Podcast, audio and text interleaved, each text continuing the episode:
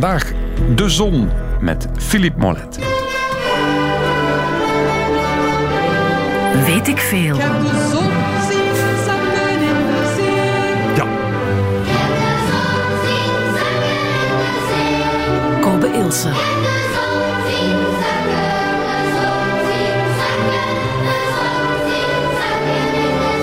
voilà, een beetje een valse noot om op te beginnen. We gaan daar heel eerlijk in zijn.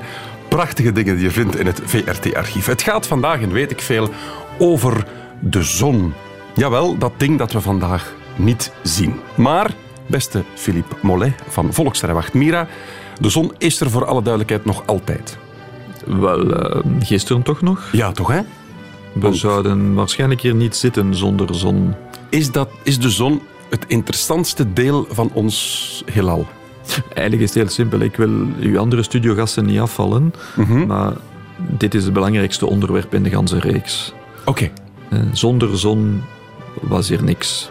Punt. goed. Dus het zou zonde zijn als we daar niks over doen. Ho, de eerste woordspeling. Ik ga in de hoek staan. Bon, we gaan afronden de intro. Welkom bij Weet ik Veel. Vandaag dus over de zon. Eh, mijn levensmotto is eigenlijk een gezonde geest in een gezond lichaam. En daarom eet ik ook macrobiotisch en doe ik aan yoga. En ik zou deze minuut willen afsluiten met een groet aan de zon. Oh, oh. Weet ik veel. ja, dat, dat moet je knippen hoor. Dat- In de Gloria. In de Gloria was dat. Over de zon dus vandaag met uh, Volkssterrenwachtman Philippe Mollet. Laat ons beginnen bij het prille begin. De zon, hoe ver staat die van ons? Wel, astronomen zeggen heel dichtbij. En- Oei. En dan bedoelen ze maar 150 miljoen kilometer 150 miljoen kilometer gemiddeld. Ja. gemiddeld. Want we, we draaien in een elliptische... weinig elliptisch. hè. Het is niet zoals bij Pluto of bij Mars of eh, bij Mercurius, maar Hm. het gaat van 149 tot 151, dus valt nog mee. Oké. Hoe warm is de zon? Binnenkant of buitenkant? Er is een verschil. En, heel veel verschillen dan nog. Want de, bui- de buitenkant van de buitenkant of de binnenkant van de buitenkant. Enfin, laat ons zeggen, het, het stuk dat de, de mensen als de zon beschouwen, het ding dat je ziet aan de hemel, Ja. heeft een buitentemperatuur van rond eh 5700 graden. Oké, dat is heel warm. Dat, dat is van ja, Of niet? Want dat is voor een ster gematigd. gematigd. Er zijn, er zijn koelere sterren dan dat. En, enfin, je, voelt aan, ja, we moeten het gesprek hier in het Nederlands doen, maar eigenlijk mm, zijn we met sterrenkundigs bezig. En dat is een lichtjes ander eh, woordgebruik. Hoezo? Vertel. Wel, eh, wat wij nu warm noemen in het Nederlands, hè, hoe wij sterrenkundigen, maar ja, gewoontjes, hè, kleine 6000 graden. Je hebt sterren die, die 10.000, 20.000 graden en meer gaan. Je hebt ook sterren die een beetje minder warm gaan. Maar dan is het nog altijd 3000, 4000. Maar miljoenen graden, dat bestaat dan niet. Als je naar de binnenkant gaat, en, Ah, en uiteindelijk is daar eh, waar het zich allemaal afspeelt, hè, die binnenkant van de zon, en we zullen het er straks nog over hebben, maar dat is waar die kernfusies gebeuren. Eigenlijk moet je de zon, als je het in, in één zin zou willen samenvatten, zien, de zon is een gigantische waterstofbom. Maar dan gigantisch, en al zes, enfin, een kleine vijf miljard jaar actief. Ah ja. En dat is eigenlijk de basis van alles. En die geeft warmte, waardoor wij op deze planeet kunnen bestaan. warmte en licht. En, en zonder dat, eh, en vooral zonder dat evenwicht. Want eh, dat, moet bezig blijven, maar dat moet ook ongeveer op hetzelfde niveau blijven. Eh, Stel dat we hier, en dat, ik daarnet zei, van dit is het belangrijkste onderwerp ooit in je programma. Maar effectief, stel dat we à à la Harry Potter gewijze eh, de zon zouden kunnen wegtoveren. Ja, dan is het hier ogenblikkelijk afgelopen bij ons. Hè, want je hebt geen warmte meer, je hebt geen licht en is gedaan. Maar de omgekeerde richting ook. Stel dat de zon nu al is het maar een klein, klein, een minim klein beetje intenser wordt, warmer wordt. En dan wordt de aarde ook onleefbaar. En welk percentage moet dat dan maar zijn, dat de zon... Zet er maar een paar nulletjes achter de komma. Want het gaat over een fractie van een procent. Dus als daar toevallig iets meer van die waterstofbommen ontploffen op hetzelfde moment, dan is het ook gedaan. Wel, het zal dan eventjes duren, want tegen dat die energie van de binnenkant van de zon naar buiten komt, mm, zijn we wel een paar duizend of tienduizend jaren verder. Ah, Oké, en er, niks wijst erop dat dat gaat gebeuren. Gelukkig maar. Oké. Eh, ja, nee, Oei, eigenlijk wel. Maar dan spreken we over lange termijn. Dus ik wil hem, allee, de luisteraars om dit middaguur nog geen paniek aanjagen, maar het komt er wel aan. De zon wordt wel, maar dan spreken we over honderden miljoenen, miljarden jaren. De zon wordt gradueel wel een beetje intenser. Maar dat zal voor onze verre, verre achterkleinkinderen zijn. Dus die opwarming van de aarde waar we nu mee te maken hebben, dat ligt niet aan het feit dat de zon wat harder brandt. Nee, we spreken over een volledig andere grote orde van, van tijd. Maar er zijn een paar andere factoren die, die daar wel in spelen. Er zijn ook, en want nu heb ik het over een graduele, langzame opwarming eh, van de zon, maar honderden miljoenen en miljarden jaren. Maar ondertussen op veel kortere termijn, eeuwen, ehm, zijn er ook wel fluctuaties in de zon. Het probleem is dat die nog niet helemaal begrepen zijn omdat we nog maar een paar eeuwen eh, wetenschappelijk naar de zon kijken. Ja, ja, ja. Dus een ijstijd in der tijd zou ook door het kunnen komen doordat de zon minder... Wel, de- of, of is dat niet... De, de klassieke ijstijden, zoals we die allemaal op school geleerd hebben, ehm, dat heeft eerder te maken met de aarde zelf. Ah, ja. De kanteling van de aarde, die, eh, die baan van de aarde, die een beetje elliptisch is, is misschien vroeger elliptischer geweest. Dus de contrasten Ah, tussen ja, de seizoenen en zo, eh, dat, dat zou er veel meer in gespeeld hebben dan de zon zelf. Maar er bestaat ook waarschijnlijk iets als een, een kleine ijstijd. Niet iets dat zich over tienduizenden jaren afspeelt, maar iets dat in de loop van eeuwen al meetbaar zou zijn. Het, het is allemaal nog een beetje ja, eh, vroeg, maar ehm, wel eigenlijk één, één, ik zou een beetje zeggen, anekdotisch voorbeeld. Doen. Groenland. Ja. Ja, spontaan antwoorden, Ko. Aan welke kleur denk je bij Groenland? Dat zal groen zijn. Echt waar? Ah ja. En nu eens twee keer nadenken. Aan welke kleur denk ik bij Groenland? Ga eens naar Groenland. En welke kleur ga Ik je ben er zien? nooit geweest. Maar ja, ik, ik, ik, ik ga ervan uit dat het groen is daar. Nee? Het is wit, hè? Groenland is volledig overdekt met ijs. Ah, ja. Dus ja, waarom noem je zoiets dan Groenland?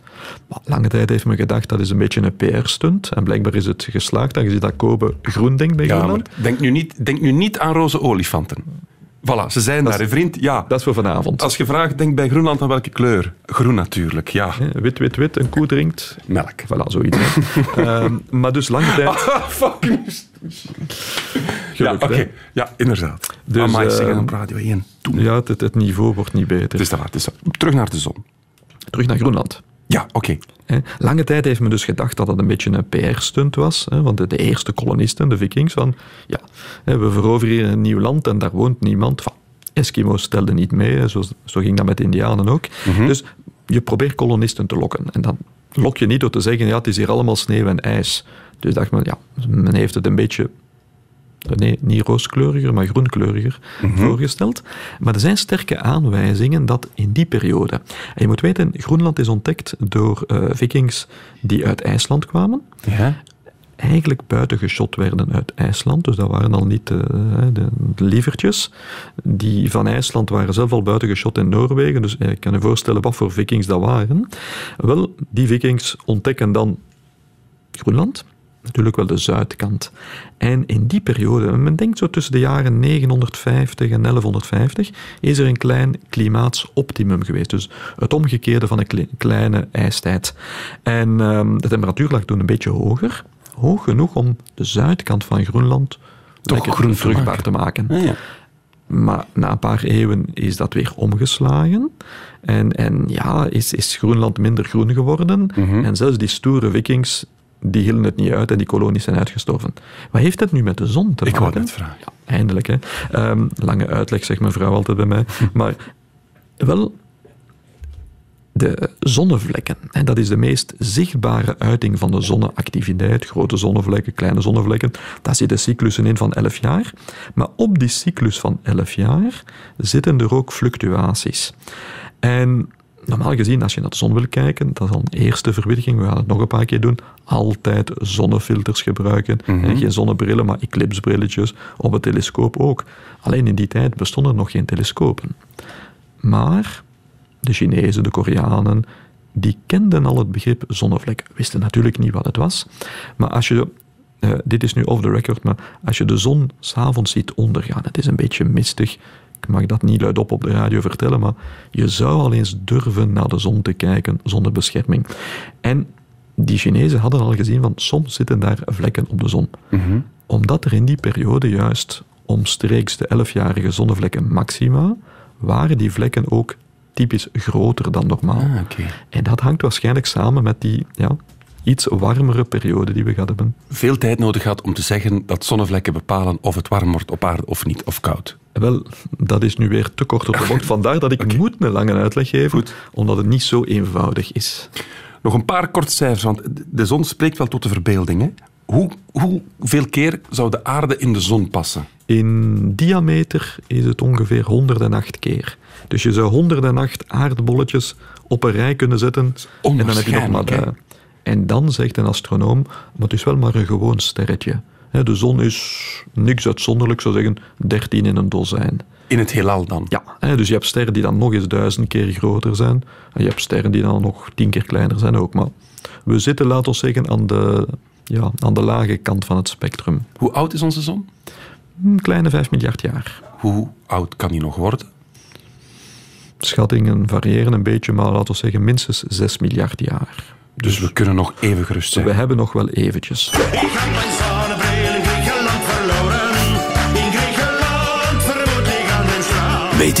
had mijn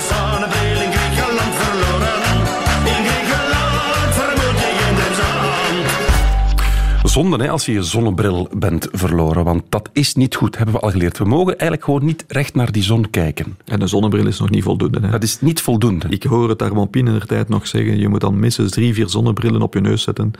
En enkel Pinocchio slaagt daarin, denk ik. eh. Dus Ja. het moet wel een eclipsebrilletje zijn. Waarom? Waarom kan ik... Want ik heb het gevoel dat ik...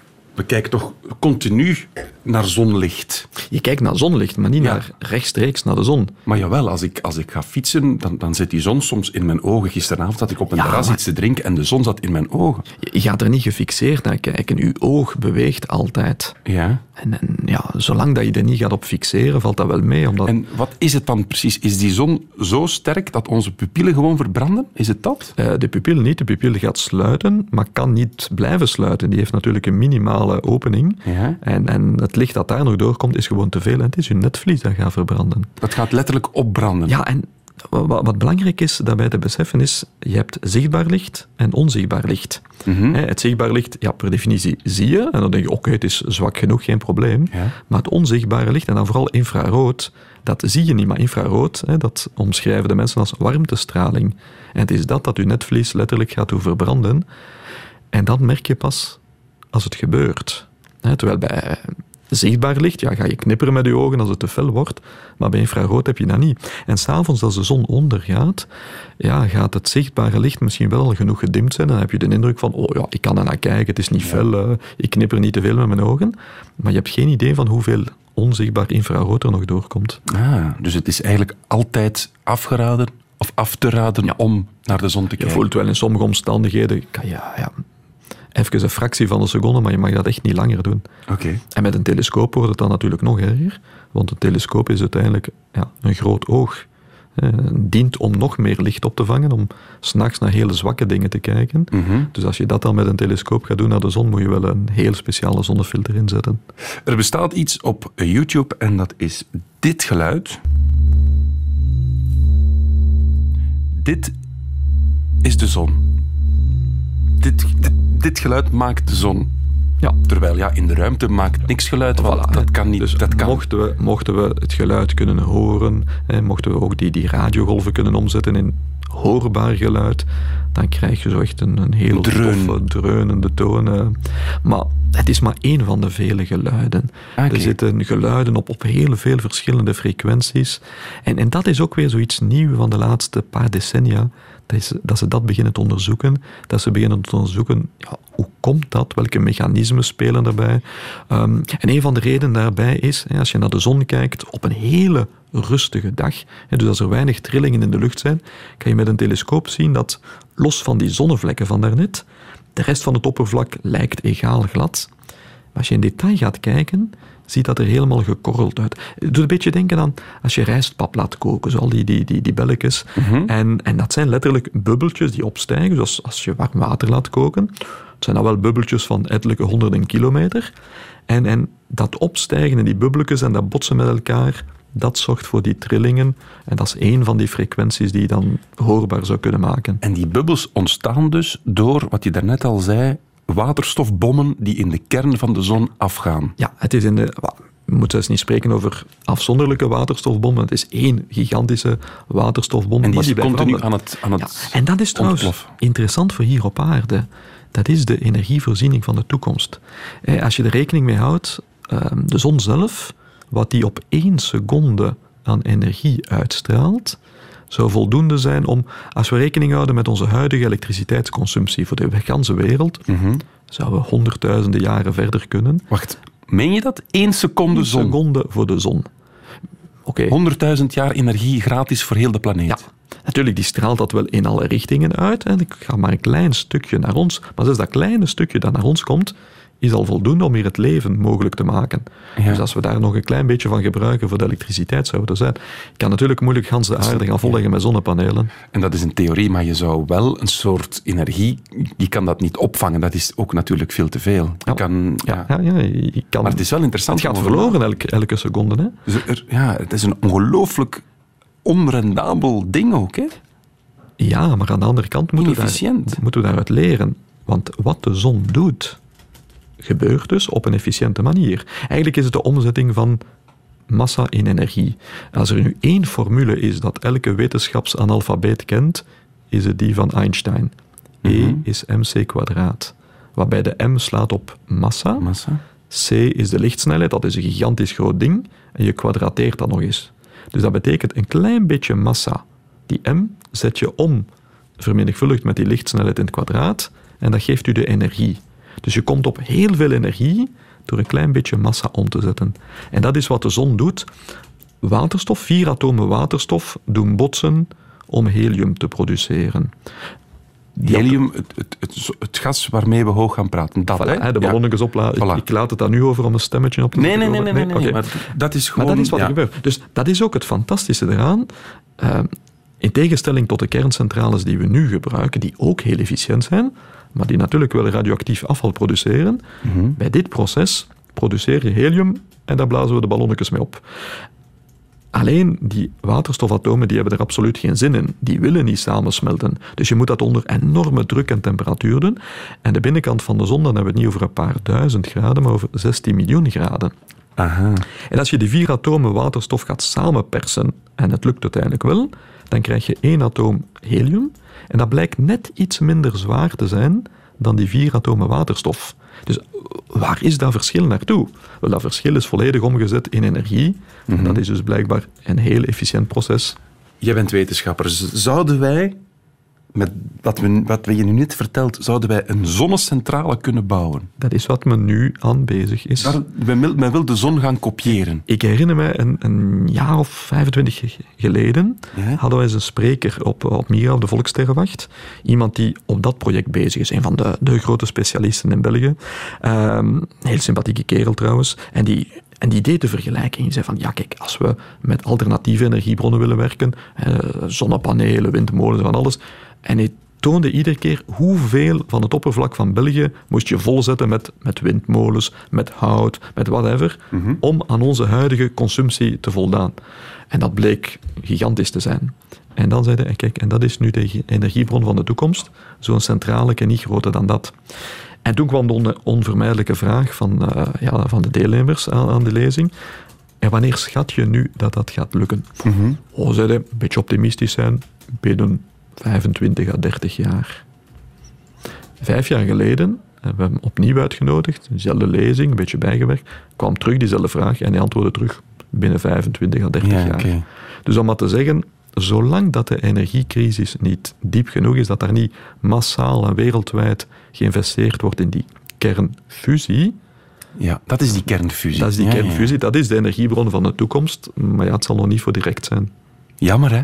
Want het klinkt wel bijzonder interessant. Het klinkt bijzonder En de interessant. persoon die dat uitvindt of dat tot stand kan brengen, dat is geen persoon. Dat, dat, je moet echt internationaal gaan samenwerken, alle grootste in- instituten samen. En wat is wat we daarnet zeiden, hè, die waterstofatomen, die willen dat niet. Nee. Die willen niet samensmelten. Dus je hebt een hoge drukpan nodig, ja, die ook nog eens tot ja, 20 miljoen graden of meer kan. En dat is het probleem. Mijn Miss Mary in de keuken, die, die kan dat niet aan. Radio 1. Weet ik veel. Fons en Elsa zijn trouwe bezoekers van het Spaanse Benidorm. Acht maanden per jaar leven ze op hun zonneterras. Ja, mens, ja, mens. Zie wat weer dat is, zie wat weer dat is.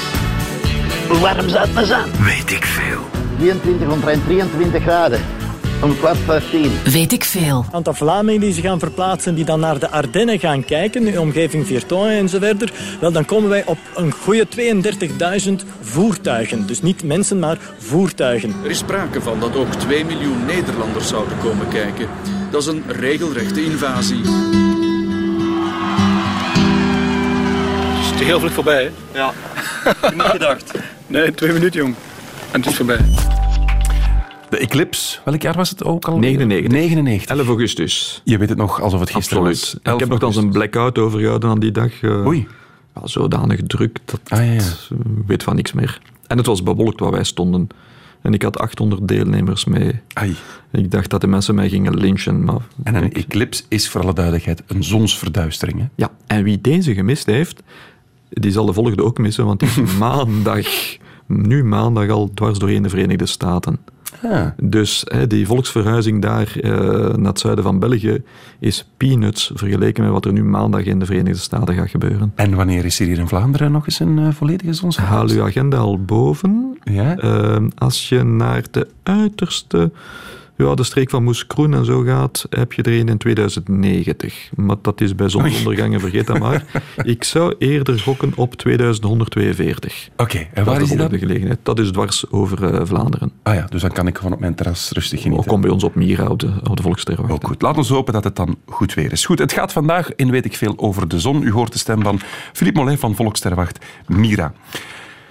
Mensen denken, of als je aan kinderen vraagt, teken de zon, die kleuren die geel. Ja, Dat is de kleur van de zon is het knalgele gele stift die ze kunnen vinden. Voilà, nochtans, s'avonds wordt die oranje. Ja. En wat blijkt als je aan Dirk Vriemhout of Frank de Winne vroeg in de ruimte, kijk eens naar de zon, welke kleur heeft die? Welke kleur zeggen ze dan? Heel lichtblauw. Blauw. Ja, maar dan echt wel heel licht. Je zou het eigenlijk wit noemen, maar met een zwakke tint. Dus dan zou je die met, nu kan ik, moet ik Uranus kunnen, is, of, of Neptunus Ja, is maar, blauw. goed, maar, maar zelfs die zijn veel uitgesprokener eh, blauw dan, Ah, dan de zon. Heel lichtblauw. Heel, heel lichtblauw. Dus dat gele komt puur door onze atmosfeer. Ja, hè, want van hier op aarde, nu ook dat moet je relativeren. Ehm, we zien de zon geel, maar dat is een heel zwak geel. Ehm, al, ik wil niet te veel reclame maken, maar op Mira hebben we daarvoor het ideaal instrument. Want met alle andere telescopen moet je een zonnefilter gebruiken. En die gaat vaak ook het kleur een beetje veranderen. Ja. Eh, wij projecteren die, dus daar zit geen enkele filter in. En dan zie je tot, tot teleurstelling van alle bezoekers van oei, daar zit wel heel weinig kleur in. Maar dat is van op aarde bekeken. Eigenlijk moet je zeggen, de zon heeft alle kleuren van de regenboog en nog een stuk daarbuiten, infrarood en ultraviolet en zo verder. Maar van al die kleuren is het blauw, laten we zeggen blauwachtig groen, is het meest dominante. Daar zit een tikkeltje meer van die tint in dan van de andere. Maar het is nu net dat blauwachtig groen dat door de dat damkring van de aarde ietsje meer verstrooid wordt.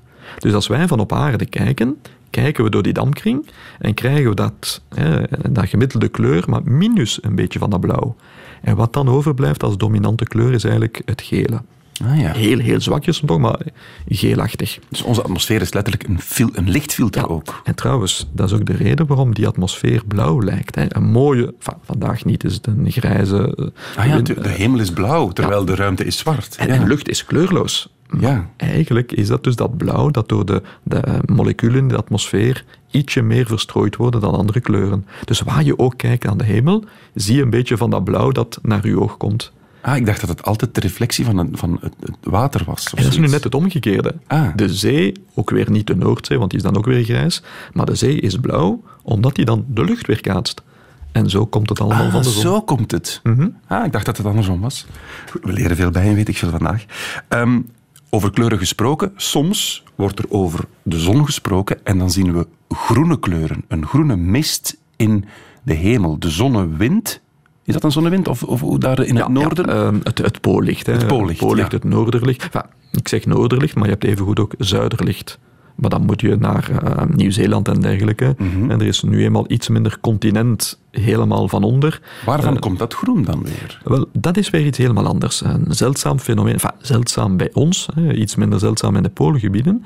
En dat, is, dat komt eigenlijk van die, die zonnewind. En de zonnewind, in al zijn facetten, eigenlijk mag je zeggen dat zijn geladen deeltjes die van de zon komen. De zon, hè, we hebben dat net uitgelegd, een groot atoombom en zo, maar vooral ook, de zon is ook één grote magnetische structuur. Met, met eh, magnetische veldlijnen die veranderen en zo, en die, die van alles en nog wat veroorzaken. Maar nu en dan heb je daar ook uitbarstingen. Nu en dan heb je een gestage zonnewind, maar nu en dan zit er ietsje feller bij. En al die geladen deeltjes, hè, die vliegen de ruimte in. En dan hangt alles zo'n beetje af van hoe dat zit met de diverse magnetische velden die van de zon aan de ene kant, die van de aarde aan de andere kant. Als het allemaal een beetje goed op elkaar aansluit, want je weet hoe gaat dat met magneten. Hè? De ene kant stoot af, de andere kant trekt aan. Als het allemaal een beetje goed meezit, komen al die geladen deeltjes binnen in de damkring. Maar rond de aarde, gelukkig voor ons, zit er een, eh, een beschermend eh, magnetisch veld. En, en die Van Allen-gordels, zoals we dat noemen, die hebben zo'n beetje de vorm, ja, noem het een beetje een ingewikkeld klokhuis van een appel. Ah, ja. die, die stulpen van boven en van onderin, niet naar de geografische polen, hetgeen wat je ziet op je wereldbol thuis, maar naar de magnetische polen. Spijtig genoeg voor ons, want die zitten een beetje gekanteld naar Canada.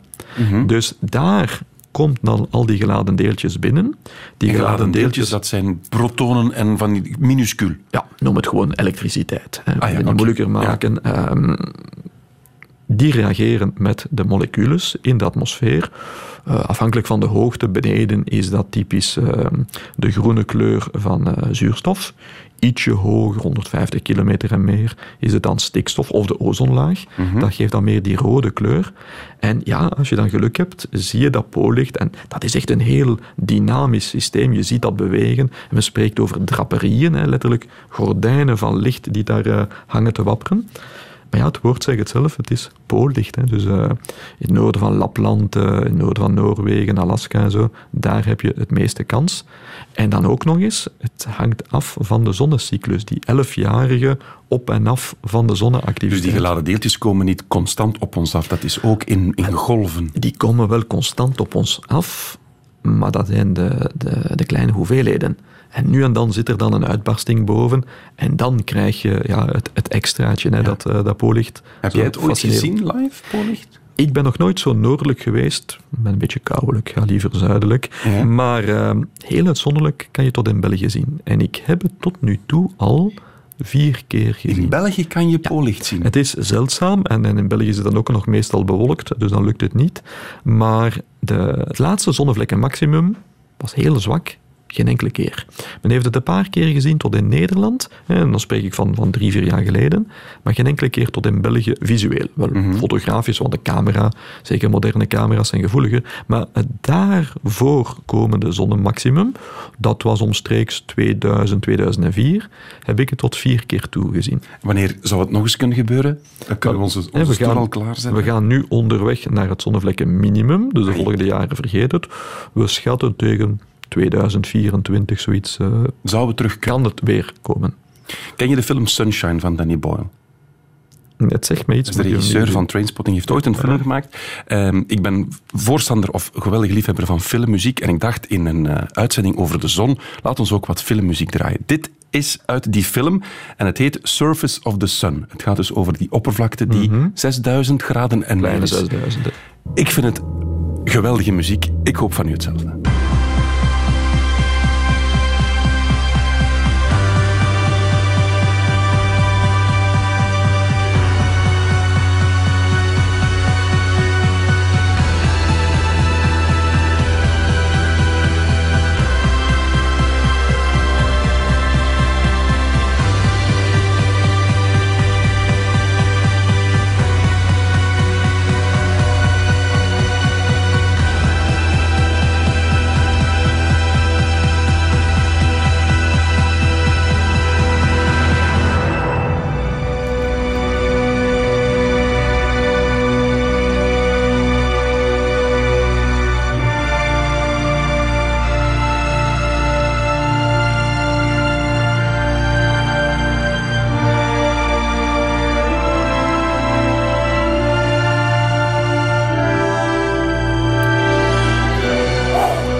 Vind dat geweldig schoon. Zij. Surface of the Sun uit de film Sunshine.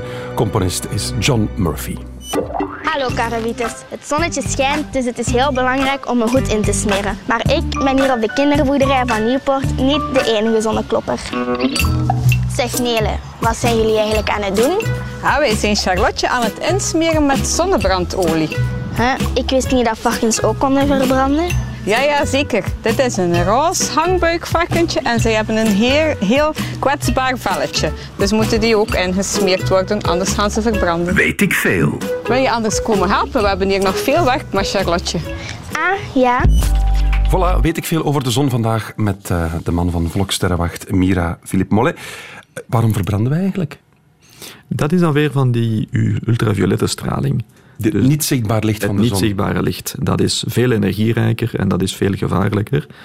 Er zitten nog een aantal golflengten die nog gevaarlijker zijn, maar die worden gelukkig tegengehouden door de ozonlaag. Ja, ja. En, en wij, wij worden le- letterlijk gebakken als we in de zon zitten. Dus Dat is echt een verbranding alsof je het in de pan, in de warme pan zou leggen. Zoiets, hè, ja, maar dan stralingswarmte. Ja, goed. Ehm, een vraag uit de mailbox. Klopt het dat er elke zo'n 100 jaar een zonnestorm plaatsvindt die al onze technologie kan vernietigen? Heb dat ooit eens in een documentaire gezien, voegt Peter eraan toe. Moeten we ons hier zorgen over maken? Eh, spijtig genoeg is het niet zo eenvoudig van om de 100 jaar. Eh, mocht dat waar zijn, dan kunnen we ons daar tegen indekken. Maar wacht, laten we beginnen bij het begin. Wat is een zonnestorm? Wel, een zonnestorm is, hè, wat we daarnet al hadden, die, die uitbarstingen, maar dan is een supergrote uitbarsting. Ah, ja. Eh, dus die, die deeltjesstraling. En dat kan enorm veel invloed hebben op aarde en meer en meer. Niet omdat die uitbarstingen erger worden, maar omdat wij steeds meer en meer afhankelijk worden van alle vormen van elektromagnetische eh, golven, ehm, datacommunicatie, elektriciteitsnetwerken en zo. En ja, uiteindelijk het is een deeltjestorm, het zijn elektrische deeltjes, het is elektriciteit die van buitenaf komt. En dat kan op al die netwerken, als ik zie hier in de studio hoeveel kabels hier rond, rondhangen, Ja. dat zijn allemaal potentiële recipiënten voor die elektriciteit. En die Eh, deeltjes zijn zo klein dat die door het rubbertje rond die kabels gaan. Dat, dat schiet er gewoon door. Ja, en omdat de verbindingen altijd maar fijner worden, alle kabeltjes worden fijner, alle eh, transistoren in, in uw computer worden steeds fijner, dus ook steeds delicater. En tegelijkertijd worden we er meer en meer van afhankelijk. Dus een, een, een verkeerde zonnestorm of een goed te grote zonnestorm en alle elektronisch leven op aarde stopt. Absoluut. Alleen hebben we totaal geen idee van hoe vaak gebeurt dat. Wanneer is was de laatste keer? De, de laatste waren die keren dat ik zonne, eh, een poollicht gezien heb. Ah ja, maar dat dat is waren stormpjes vergeleken met wat er zou kunnen.